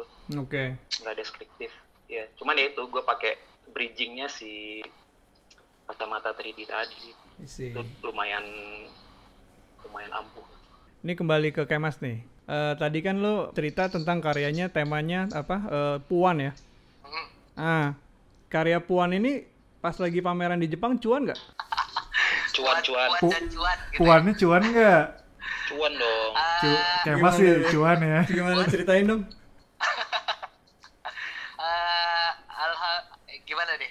Gue jawab aja deh Ya, Nah, ya. ah, alhamdulillah kan. cuan ya. Alhamdulillah dia cuan ya. banget sih. Eh, ya ada gitu yang ternyata tertarik dengan yang kar- eh, karya yang ini. Jadi kebanyakan sih yang yang ngambil orang Indonesia juga Oh Jadi, gitu. lihat dari Instagram terus mereka juga lihat foto dari situ jadi mereka yang eh, yang pesenin gitu sih Ah, lo lo sempat ya kenalan dong ya, maksudnya eh, itu orang Indonesia di sana ngapain segala macam sempat kenalan-kenalan nggak? kalau yang di pameran sendiri kebanyakan ya udah ya semacam lihat itu terus ada yang emang kenalan juga terus gitu. Tapi kalau kayak yang beli itu eh, kebetulan kayak ada yang kayak temen deket terus ada yang emang dari dulu eh, kebetulan ada yang dari bos kantor gue juga ya kayak gitu jadi eh, kebanyakan sih orang yang gue kenal juga sih kalau yang Luar ya. biasa internasional ya. Kantor support ya. Gojek. Oh di support Gojek? Ah, enggak lah Oh enggak. Langsung enggak lah. Langsung enggak. Oh, delivery-nya ntar oke. gosen gosen Ya Gosen. Bagus sesuai aplikasi. Nah, kalau Riandi sendiri Yo, gimana? iya. Kan pameran di Jepang kan pasti mahal lah ya, apa ongkosnya segala macam. Iya. Kemarin hasilnya gimana? Pas masukin harga buat kan ditulis tuh di deskripsi ada harganya sekian gitu ya. Gua nggak nggak apa ya nggak taktis buat maksud gua nggak berpikir untuk itu dijual sih. Hmm. Eh, karena eh, ya gue mengharapkan juga sebenarnya kalau misalkan itu bisa bisa balik gitu ya, bisa nutupin ongkos ke Jepang ya bagus cuman Hmm. nggak nggak prioritas sih karena emang nggak tahu ya gue hmm. lumayan lumayan cita-cita juga gitu bisa ke Jepang dan sekaligus pameran tuh cita-cita banget jadi emang ya kalau ke personal emang eh, ya tiga bulan terakhir emang ya nyari duit buat ke sana tuh ya udah gua ikhlasin aja emang Iya. senang gitu tapi emang ya kalau ditanya cuan nggak cuan ya nggak cuan eh iya tapi nggak nggak masalah Nggak masalah. Nah tadi Elvan juga ceritanya begitu kan. Tapi eh, dia bilang eh, Hakim bilang ini adalah stepping stone juga nih. Nah setelah kalian udah pameran di Jepang, ada bayangan ini nggak sih? Udah pengen pameran lagi atau pengen kerja dulu atau gimana? Kayak Mas dulu deh. aja lu Cil Halo, halo. Nggak tahu sih, eh, kalau yang eh, sempat kepikiran tuh kayak, nggak tahu sih dari omongannya pas kita sebelum berangkat juga kayak, kayak dari Hakim sama Yandi sama Elka juga bilang, apa kita bikin eh, singgah buah ya, ya kayak Wih. gitu. Luar Kayak gitu. biasa. tinggal manajemen Optimis aja dulu. singgah, ya. Kita Singgah mau bikin tour and agensi travel. modeling katanya. Rencananya negara apa lagi nih berarti nih? Los Angeles Anjir. Ya. Amin, amin. Amin. Gua amin aja deh. Gua amin juga. Eh, visa udah ada kan jadi bisa lah. Luar biasa. Eh terus abis abis selesai pameran kalian, kalian kan pergi ke pameran lagi. Tadi Alvan udah cerita tuh pengalamannya gimana nontonin pameran James Jean sama Kos ya? Kaos juga. Gimana ceritanya? kaos ya kita tuh pameran buka jam 6 sore tapi dia ngerilis poster jam 9 pagi kita 11. kejar berharap bisa beli gitu ya kita lumayan bangga lah jadi eh, antrian nomor satu sebenarnya sebelum ditikung sama orang Jerman Hah? Oh ya? kita nomor satu se- Gimana ceritanya? orang Jerman apa orang mana itu Itu, itu kayaknya orang Jerman sih. ya gitu lah Kayak kita pas mau nyebrang kita nungguin lampu warna hijau gitu kan. Sopan gitu Sopan, nungguin. Dia langsung weset. Wah, brengsek. Waduh, kata gua. Akhirnya dia, dia jadi nomor satu di antrian. Hmm. Tapi ya, ya walaupun akhirnya nggak jadi. kita mau gabung mau sum-sum berempat juga nggak sanggup sih dulu. cuman ya beruntung beruntungnya tuh eh, apa ternyata kita bisa lihat pamerannya sebelum Iya, pembukaan jadi lebih emang awal. kalau gue sih ngerasa berun- beruntung banget jadi galeri kosong cuma ada kita bisa Hmm. lu bisa nikmatin karya James Jean ya cuman lu sama karyanya aja di galeri mantep sih itu pengalamannya anak-anak juga bisa apa bisa ketemu sama James Jean-nya Hmm. di saat masih sepi gitu Apa yang apa yang lo bi- lo bawa dari pameran itu? kalau gue sih ngeliatnya ya itu sih nggak tahu ya gue di Jepang tuh termasuk sama termasuk James Dean ya. Pengalaman gue tuh gue ngeliat eh, apa eh, koki itu koki masak masakan buat kita. Ya semuanya lah orang-orang Jepang tuh fokus gitu sama Hmm. sama apa yang dikerjain tuh kelihatan gitu ya. Dan terpancar dari hasil karyanya juga gitu. Itu sih yang sangat inspire inspiring gitu ke gue dan eh, ya gue masih banyak eh, apa masih banyak santainya gitu. Kalau ngerjain tuh ah santai lah. Apalagi gue pakai cat minyak kan. Ter- itu Hmm. medium yang medium yang yang nyantai banget gitu yang lu bisa tinggalin aja gitu. Lu kapan lu mau kerjain lu bisa sambung gitu kan. Tapi pas gua ke ke Jepang nih bareng anak-anak gue liat Elvan gue liat Hakim gitu kan.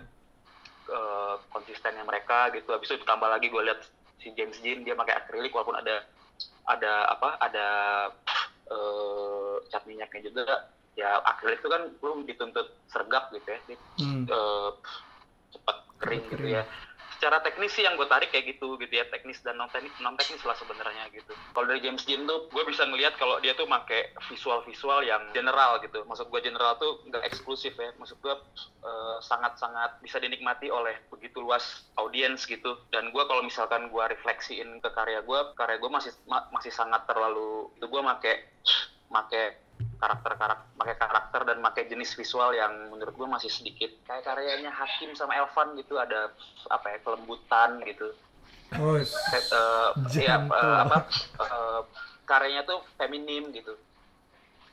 Kalau Hmm. karya gue gue ya gue gue sadari sangat sangat maskulin gitu. Makanya gue banyak belajar di situ sih kayak wah iya ya kalau misalkan gue bisa ekspor ke ke ke ranah yang seperti itu kayaknya menarik juga gitu. Ya tantangan juga gitu buat gue kalau Kemas gimana nih? Kalau dari James Dean sendiri sih eh ya gue nangkep kan dia dari awal dari 2000 berapa ya dari 2000 gue pertama kali tahu tuh 2009 dan 2008 ya.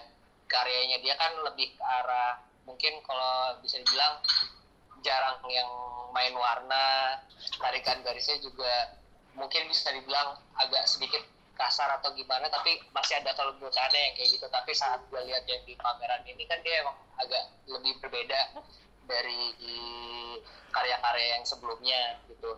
Jadi yang yang gue dapat ilmunya eh, bukan ilmunya sih kayak yang gue serap dari ini sih ya mungkin gue, gue suka banget sih dari bentukan eh, karya yang dia buat sekarang terus dari, dari warna-warna yang dibuat gitu. Jadi itu kayak eh, apa ya hmm, bisa jadi masukan buat gue juga karena kan gue juga kalau gambar pun lebih ke arah yang emang eh, mungkin kalau lu lihat lebih ya orang pasti ngeliatnya kayak nih mas ini karakter kayak kayak manga ya atau apa yang kayak gitu lebih ke Hmm. arah yang kayak gitu mungkin dari situ gue bisa berangkat dengan eh, bentuk yang berbeda kayak wah ini bisa aja nih gue coba eh, lebih ke arah ke ranah situ tapi gue masih ada sentuhan guanya ya kayak gitu Hmm. itu sih jadi gue bisa explore lagi Gila segitu powerful ya berarti karyanya sampai semuanya tuh rasanya kayak mempunyai pemahaman baru gitu ya terhadap hidup ya sama karya masing-masing ya. soalnya kita bisa bisa lu nggak kayak ke pembukaan pameran itu kayak karya tuh sama lu Hmm. cuma lu sama karya doang gitu karena Iya. kita datang Gak ada distraksi Iya. apa pun gitu ya. Iya, kayaknya Iya, jadi itu itu yang memang pengalaman Iya. parah banget. Sebenarnya yang salah satu apa, eh, hal lain yang gue dapat dari pameran James Dean tuh ini sih apa statementnya si Takashi Murakami di di apa di kayak eh, leafletnya gitu. Kita kan Hmm. dikasih leaflet tuh gratis kan. Hmm. Ada tulisannya pengantar dari Takashi Murakami. Itu kan galeri juga galerinya doi tuh. Iya. eh, si Kai Kai Kiki itu di situ, di situ dia bilang dia mau eh, apa eh, apa membaca fenomena apa adanya bridging antara eh, naratif art sama contemporary art gitu dan gue kayak anjir di di kita kagak ada ya infrastruktur kayak gitu gitu yang yang apa yang mencoba buat mencairkan antara si contemporary art sama eh, naratif art gitu ya kalau di sini kita bilang ilustrasi si, Tara- Hmm. si Takashi Murakami si Takashi Murakami nggak mau ngomongin itu ilustrasi dia ngomonginnya itu ilu- eh, de- eh, naratif art gitu jadi gue Oh. kayak anjir di Indonesia tuh harus ada galeri kayak gini gitu harus ada platform harus ada infrastruktur yang bisa eh, apa yang bisa mewadahi artis-artis kayak ya kayak gitu kayak kita gitu ilustrator lowbrow art gitu. Kayaknya di Indonesia masih kurang ya kurang kurang apa kurang kurang powerful gitu. Sedangkan ini kan Hmm. Takashi Murakami gitu yang tak- yang ya Takashi Murakami aja udah udah gitu gitu. Dia Iya. berharap apa berniat untuk menjadi bridging gitu kan. Udah sekuat itu gitu. Keren pisan sih menurut gue Ya udah eh Randy, thank you banget. Semoga wah sama-sama nih eh, nanti ke depannya lu dan teman-teman yang lain malah menjadi si ya itu pembuka jalannya malah Iya. Ya, dari Pak, inspirasi. amin. Amin, amin. Nah, gua sat- itu emang ini sih, eh, ya gue berharap gitu eh, orang-orang bisa ngambil positifnya itu kalau misalnya lu pengen punya punya keinginan gitu ya pengen pengen pameran gitu nggak cuma di Indonesia lu bisa ya nggak tau ya yang gue rasain tuh gua gitu hakim eh, Elvan gitu ya lu kayak pengen pengen eksebisi solo gitu ya lu bisa gitu bikin sendiri Iya, iya, jadi lu jadi pengen pengen pengen eh, lu pengen mana ke keluar gitu ke Jepang atau ke mana Eropa gitu ya lu bisa Jadiin gitu, aja. Iya sebenarnya lebih Iya, kayak ada aja jalan. bikin nge- ya ngebangun kepercayaan diri lu kalau em, yang lu nggak harus setakut itu untuk keluar dari Indonesia untuk mencoba. Iya. Mungkin itu sih lebih akhirnya yang yang kerasanya dan karena kepercayaan Iya, karena diri kan kita- kepercayaan diri itu penting sih. Itu kayak itu juga si desain Vesta tuh ada Iya. karena dia ingin ngebangun kepercayaan diri si seniman. Itu sih kira-kira. Terima kasih banyak Kenapa, Kim? sudah di Oh, sama hubungi. sama Kim Thank you, Di. Sampai sama-sama ayo Remon Oke. Kemas Ribet ya. Kemas sudah hilang. Kemas sudah hilang, kita Iya. lanjut sama peserta terakhir. Gue di sana. iya dong, lo belum ceritain kan? Ya Hakim lah. Nah, Kim. Ini mungkin pendengar dari tadi eh, ngomongin soalnya dari tadi kesannya James Dean ini powerful banget ya. Terus mungkin eh, ada yang dengerin tuh nggak tahu gitu. Sedikit aja ceritain, sedikit aja yang lo lo kan ngefans banget ya sama dia. Dan dan eh, ini lo juga sih apa namanya? eh efek bagi lo juga sih setelah lo lihat dan akhirnya apalagi tadi dibilang kan bener-bener VIP banget ya rasanya. Lo Oh. cuman berempat, eh, berempat apa lebih ada berapa orang lagi? Uh, jadi jam waktu jam 11 datang itu tuh ada sekitar bertujuh sama kita dari atau uh, dari Jerman, kita Indonesia atau lagi dari Malaysia. Hmm. Um, jadi ya emang itu kesempatan yang kita pikir cuman buka untuk print, order print aja, tapi nyata bisa masuk buat lihat karya langsung gitu. Oh, oke. Jadi jam 6-nya pas opening reception kita datang lagi. Jadi Oke. kita dua kali datang yang yang pertama. Jadi kayaknya itu yang bikin mungkin kalau misalkan kita datang ketika jam 6-nya aja Efeknya beda mungkin. efeknya mungkin akan beda Hmm. dan ya James Jean eh, gua- bisa gue bilang ya salah satu seniman ilustrator yang yang yang bisa ngebangun jembatan gitu loh dari dia bikin dia kan awal mula dari komik Mm-mm. ilustrasi cover kemudian secara perlahan masuk ke ranah juga eh, fashion eh, advertising Hmm. Buku editorial kemudian masuk perlahan ke ke wilayah uh, fine art kalau bisa bilang Hmm. makanya tadi ketika dia bilang ta- uh, dari statement Kasimura kami kalau dia ingin menjadi bridging menjadi jembatan untuk itu dan buat gue James Jean itu adalah salah satu contoh di mana bisa gue bisa melihat uh, dia beral- peralihan dari naratif art ke lebih ke fine art Hmm. Uh, walaupun sebetulnya si uh, displaynya penyajiannya sebenarnya masih sangat sangat sangat hanya gambar aja nggak nggak nggak nggak menurut gua ngeliatnya nggak nggak kontemporer dia nggak gitu. bikin kontemporer sekali dia majang karya besar Um, cuman kalau kalau kita ngomong James pasti kan serang- serang- pasti kan selalu ngomong teknis Hmm. itu luar biasa sih jadi uh, ya mengapa kita berempat akhirnya punya pengalaman gue gue juga nggak nggak menyangka pengalamannya akan sampai sebesar ini Hmm. tadi tujuannya memang kalau misalkan kita bisa lihat James Jean ya hanya melihat karya untuk pertama kali dengan mata langsung karena berbeda sekali ternyata ketika ketika format Instagram yang biasa gue lihat Hmm. kemudian ketika lihat langsung karyanya berkali-kali lipat lebih Betul. besar warnanya walaupun gue buta gue ngomongin warna tapi, warna. tapi tapi luar biasa sih kayak Berarti dia cukup hibrida juga ya sebenarnya ya. iya jadi dia yang mampu Nah. crossover ataupun eh, berdiri di dua, Dua- dunia itu dengan dua kokoh dunia. satu apa satu sama lain ya. ya bahkan kalau misalkan dari salah satu wawancaranya dia bilang dia dia ngerjain semuanya dia Hmm. ngerjain bahkan kompetisi aja dia ikutan gitu Oh iya? di awal-awal dia ini jadi dan Nggak malu gitu. mungkin salah satu juga contohnya adalah karena dia juga bapak satu anak Hmm. umur anaknya juga masih kayak sekitar satu setengah tahun tapi bisa punya kemampuan untuk memproduksi karya sebanyak itu menurut gue Hmm. kalau buat gue yang sama sama Bisa juga relate punya ya? anak itu gue bisa relate Hmm. dan itu tadi kemauan dia untuk mengerjakan apa pun kemudian akhirnya beralih ke sekarang itu menurut gua kayak oh ya lu emang harus se- sebanyak ini nih kerjanya gitu. Hmm. nggak mungkin lo hanya mengandalkan satu kali ka- dua karya yang bagus terus itu akan bertahan untuk selamanya enggak sih kayak Hmm. lebih satu karya bagus ya udah beres lo harus bikin lagi karya bagus lainnya gitu Hmm. Seperti itu sih.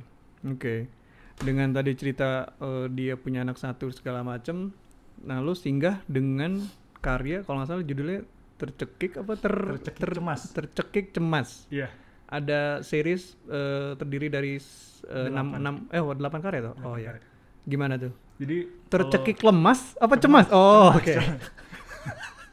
Kata- aduh jadi eh, karena karena coba kemarin tadi ngasih relate dengan apa yang relate dengan eh, Tokyo-nya kan selain ke beberapa mengambilnya dengan dari bentuk visual gue dari bentuk bagaimana Jakarta dan Tokyo Hmm. punya kesamaan itu sebagai kota metropolitan gitu. Hmm.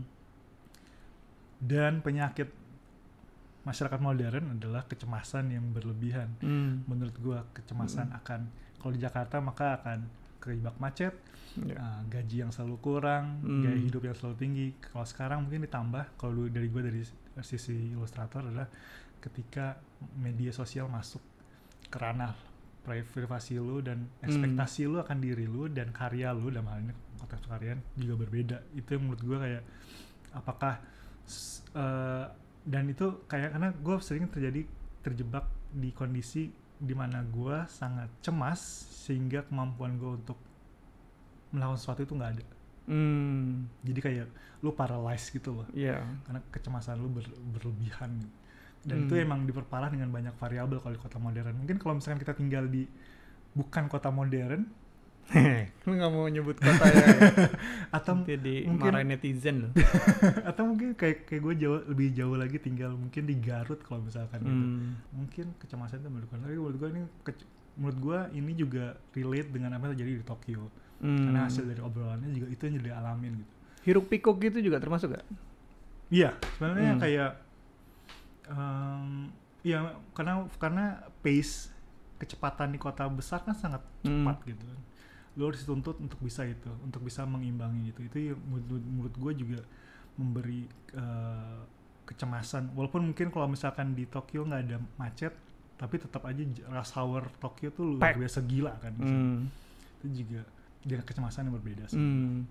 Nah ini buat yang mungkin udah pernah tahu karya Hakim sebelumnya, kali ini karyanya tuh emang riuh sih, penuh, ketat, eh, overlapping, tapi tetap sih tanamannya teduh juga gitu loh. Eh, apakah memang lo sengaja walaupun hiruk pikuknya tapi eh, floralnya memang lo sebagai simbol dari ketenangan di balik itu berusaha atau gimana? Ya sebenarnya bu- dari si bunga itu kan floral yang penuh itu lu bisa lihat lagi eh, gambar Layer keduanya. layer Hmm. adalah burung yang mati Yes. kan. Hmm. Eh, Oh dia mati. itu dia mati. Astaga Kim. Deh, ini eh efek kejutannya ya ketika gua pakai kacamatanya Riandi, Oh. ketika gua tutup bagian merah atau birunya selarunya, burungnya hilang. Oh iya ya. itu itu kayak ngasih wow gimmick yang bagus. Oh.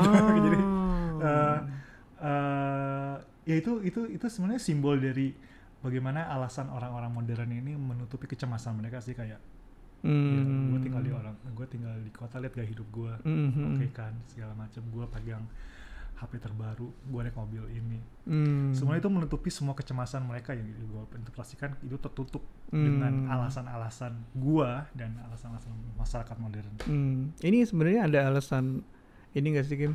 Faktor di mana lo akhirnya berpindah eh, kota ya? kayaknya iya deh Ini kayaknya sebenarnya bener-bener lo baru berapa bulan lo langsung ngerasa tercekik. gue gue mulai khawatir Cemas. nih tinggal di Jakarta Bandung juga parah men. Jodoh tuh space. Gila gila gila. Ya masih berjarak sih setidaknya kalau Bandung sih kita padat banget sih memang. Nah tadi kan kayaknya ya em, eh, jujur aja gue cukup yang eh, gue orang yang cukup sebel dengan fenomena kaget Jepang ini ya. Tapi Bukan banyak banget sih yang Iya iya, mulai gue tahu, tahu. Maksudnya bukan kaget Jepang, maksudnya eh, Jepang ini menjadi destinasi yang sangat yummy banget sekarang, harga murah dan segala Iya. macam segala macam. Tapi kok kalau dari cerita eh, kalian ini ya dengan destinasi yang bukan eh, wisata dan segala macam terbuka banget gitu.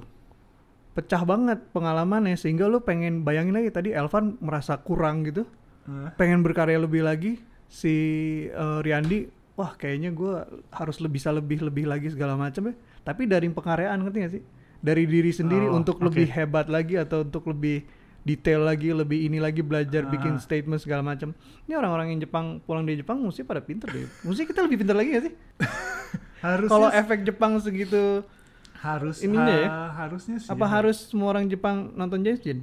mungkin karena tadi itinerary kita gitu setelah pameran kita bikin kita setidaknya ke Jepang ke Tokyo itu pertamanya kita selain menyiapkan dana juga menyisikan waktu dan pikiran untuk bikin karya kan Mm-mm. akhirnya dipamerkan kemudian setelah dipamerkan eh, ada eh, ada ada tanggapan dan apresiasi kemudian kita lihat James Jean gitu kita lihat lagi level berikutnya lagi Hmm. jadi kayak buat gue mungkin itu yang bikin urutan itu yang bikin efek pulang dari Jepang itu seperti itu gue Hmm.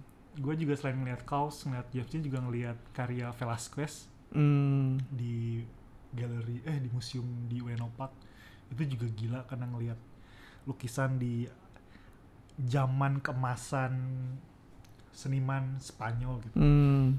itu juga gila karena gue jarang sekali kan ngelihat karya-karya old master gitu Hmm. di mana itu ngomongin chiaroscuro itu juga Hmm. itu juga yang kini kalau menurut gue tanpa belanja apa pun gue udah kayak gue gue banyak banget yang gue bawa Lu udah bawa, ya ya. ini pengalaman gue sih lebih kayak gitu sih Hmm, persinggahan sesaat yang sangat-sangat ini ya, membekas ya. Nah, kayaknya ini udah, kayaknya udah dua jam ini. Hmm, hari ini cukup tapi harusnya tadi ya. tadi katanya ada yang mau sejam sejam, nggak mungkin. Oh iya kalau kita ketemu langsung sejam sih. Eh, Mungkin leb- ya, gua nggak sampai besok sih. Parah. Ini pernah ada yang ada yang nanya loh, gimana ya? Eh kita kita tanya aja, eh kita jawab aja yuk. Oh, Kalau perlu gue yang jawab, gue bukan yang pameran. sebenarnya pertanyaannya ada yang ini ya dari berulang. sama-sama Pandega Putra juga dia nanya buat sesi sebelumnya sebetulnya. Uh, bagaimana merintis karir ilustrator di Indonesia dan terlibat di event internasional. Caranya, ini walaupun gue cuman jadi host ya, caranya tuh pede aja. Bener gak? Iya, karena semuanya sudah terbuka, lu tinggal masukin, lu tinggal submit karya lu, Iya. dan lu pede aja sih. Lu jangan nunggu kesempatan, Bung. Kalau ditolak ya bikin lagi. Yoi, bikin aja. At Ukiz 11. Dia lagi Iya, dia juga. di episode sebelumnya ya. Nah, bagaimana Kok tanggapan? bisa? Oh, karena ini beda, tapi ini beda. Bagaimana tanggapan masyarakat Tokyo pada pameran kalian? Sejauh dari kita lihat, em, terlepas dari faktor bahasa, walaupun ada ada ada ada terjemahan di caption, tapi mereka cukup antusias dan ketika mendengar, apalagi kalau misalkan ngelihat karyanya Riyandi dengan kacamata 3D, ya, Hmm. kayak mereka bisa teriak sendiri gitu, ngomong sugoi. Sugoi, Kayak bagus kawaii ne. Iya tapi ya itu sih sejauh ini sih dan kalau di desain Vesta ya tadi nggak nggak hanya cuma orang Jepang yang datang tapi orang di, di berbagai negara lain yang datang jadi apresiasinya bagus Hmm.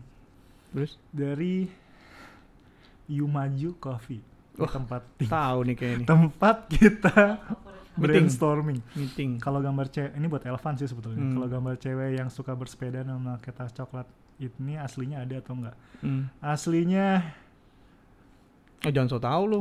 gue tahu Oh, lo tahu ya udah. tapi nggak usah lah nggak usah dijawab yang ini biarin aja DM aja lah Elvannya lah. Eh, berikutnya at bayu underscore 23 apa rencana buat pameran di negara lain amin ada Iya, iya. Eh, tapi eh, eh bukan pameran sih tapi gue sama Elvan mungkin akan ke Singapura dalam waktu dekat Showcase dan talks kemungkinan. talks. Oke. Nanti ada lagi sesi si Hakim ditanya lagi sama gua. Eh, berikutnya at K11 Johannes. Apakah ada tips untuk artis pemula untuk menemukan stylenya sendiri? Nah. Tipsnya adalah banyak menggambar Enggak, seperti enggak, enggak, enggak. Menurut gua tipsnya gini. Oh, ada lagi. dengerin potluck episode 2 Oh, yang tentang itu. Anon Asia oh iya. itu Resatio ngomong caranya gimana. Dan itu berlaku untuk banyak orang. Yes. Jadi sekarang nih yang tadi nanya ke episode 2 K11 Johannes. Kak 11 Johannes tolong ya Podcast episode 2 tentang Anonasia. Anon Asia sama-sama di Jepang ih Oh jodoh iya, cuma beda jodoh. kota aja. luar biasa udah habis pertanyaannya Udah habis. berarti eh sebagai penutup kita masing-masing nutup deh Oh iya. kan Eh, co-host nih. Kalau gue sih ngelihatnya eh, pembicaraan hari ini ya, kayaknya emang masyarakat kita kan banyak ya, orang Indonesia banyak. banget. Cuman memang kayaknya eh, banyak yang nggak sadar dirinya hebat. Maksudnya Indonesia tuh orang Indonesia mungkin banyak yang nggak sadar aja dia bisa gitu loh. ah Dan jarang mau keluar dari kebiasaan. Yang beda dikit dia ribet, nggak mau coba keluar dari mana segala macam zona nyaman. ah Padahal kalau jumlahnya kita banyak, kita nyebar aja ke seluruh dunia, gue rasa kita bisa banyak ini tau gak akulturasi yang terjadi, Oh, iya, sehingga iya. Indonesia tuh jadi lebih maju menurut gue sih. Iya. Gitu. Jadi tolong ya yang tadinya mikir mau pameran di Oslo, lo mau gigs di mana, ya gimana deh caranya pasti ada caranya. Lakuin aja, jangan takut, bikin aja deh intinya. yang penting ya menurut buat gue kepercayaan diri akan apa yang lu kerjakan tuh penting sih ini bukan cuma hanya sekedar kepercayaan diri lu untuk ngelakuin selfie di depan kamera lu doang sih tapi apa yang lu kerjain Hmm. lu tahu itu bagus ya lu percaya diri aja dengan itu Em, kalau misalkan ada yang ada, misalkan itu nggak works kalau udah nyoba submit ke mana terus ditolak ya bikin lagi yang lain. Terus. karena ya itu yang gua dan banyak temen orang lain juga lakuin sih Hmm, niscaya ada waktu dan kesempatan ya. Ya, niscaya. Niscaya. Kalau nggak sekarang mungkin tahun depan. Kalau nggak tahun depan, tahun depannya lagi. Yes. Tahun depannya lagi. Tahun depannya lagi. Tahun depannya lagi. Asal jangan hilang kepercayaan. Itu aja sih menurut. Baiklah, sekian episode ke 8 kalau nggak salah dari Sembilan kayaknya nih. Damn. Ya. Terima kasih banyak sudah mendengarkan. Sampai ketemu di episode selanjutnya. Dah. Bye.